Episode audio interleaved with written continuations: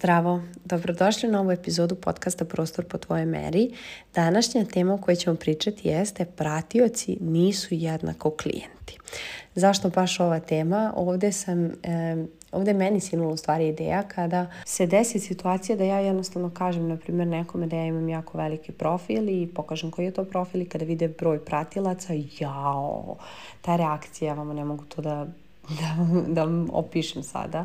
A, bukvalno ljudima je, oči su ogromne, kako si došla toliko pratilaca ili ja te pratim, nisam znala da si to ti, ja sam mislila da je to neka strankinja. Kao da je nama nemoguće da neko, da kažem, običan ima, a da se ne skida, da ne, se ne lomata, da ne glumi klovna tu. Znači, bukvalno kao da je to nešto što je nedostižno. I sada, zašto ja imam, zašto sam ja ravnodušna prema tome? Zato što sam već odavno shvatila da pratioci nisu jednako klijenti i um, iz toga sam došla do neke tri ideje kako vi u stvari možete da um, napravite da bukvalno pratioci budu jednako klijenti, odnosno šta možete da im prodate. Znači to nisu um, stvari, to su samo ideje, onda ćete vi kasnije iz te ideje napraviti jeli, realizaciju. Prva stvar koju većina ljudi prodaje, znači bukvalno 80% ljudi prodaje na Instagramu jeste vreme, bukvalno po satu, sad na primjer ne znam, ako ste e, fitness trener vi onda po satu radite, ako ste na primjer arhitekta koji tek počinje vi onda opet na primjer, radite za nekog drugog opet po satu i vi jednostavno prodajete svoje vreme.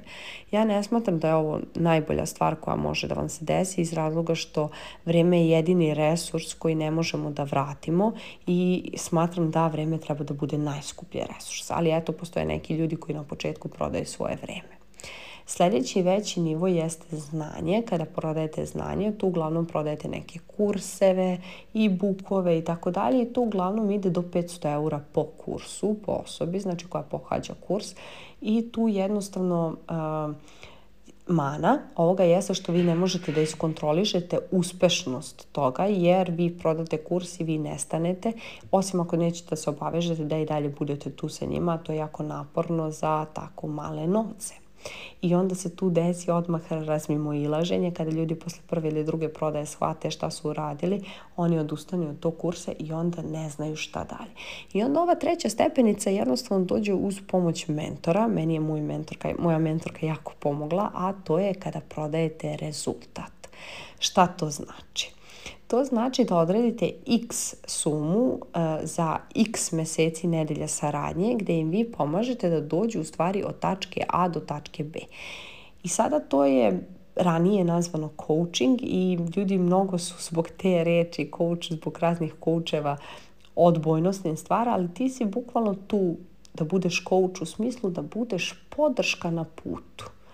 Znači, bukvalno da im svaki put uskočiš kad je teško, da svaki put pomogneš kada imaju neke nedoumice, kada požele da odustanu, da ih poguraš, da kada ne vide put ispred sebe, da ti budeš ta koja će da osvetli ili taj koja će da osvetli put, da jednostavno mogu da se oslone i da mogu da računaju na tebe. Ovo je ideja koja je najskuplja, gde ljudi, na, na primjer, prodaju 3000 eura za tri mjeseca saradnje po osobi i gdje jednostavno mogu da ti obećaju rezultat i što je najbolje za klijenta, ovo je eh, najbolja stvar eh, zato što bukvalno dolazite od tačke A do tačke B, uh, uz, uz, u tom putu imate podršku svo vreme i jednostavno postižete rezultat koji ste želeli. Ako uzmemo za primer da ste vi, na primer, fitness coach, um, recimo da vi želite da im pomognete da se oni reše nekih nezdravih navika ili želite da im pomognete da oni, ne znam,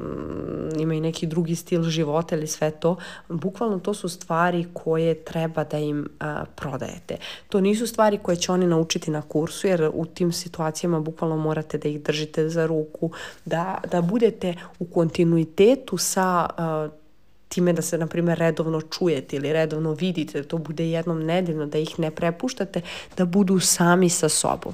Ja to radim, na primjer, kroz uh, moj uh, program Instagram za arhitekte gde ti obećavam rezultat da iskradiš lični brend i zajednicu uh, u smislu da bi mogao sutra da prodaješ svoje usluge i proizvode. Znači, bukvalno ti dajem cijelu strategiju, dajem ti sve što ja sam saznala, naučila, primenila i ako i ti ideš istim mojim putem, znači utabala sam ti put, doći ćeš do cilja koji je potreban, odnosno do rezultata koji sam ti obećao. Imaćeš izgrađen lični brend i zajednicu.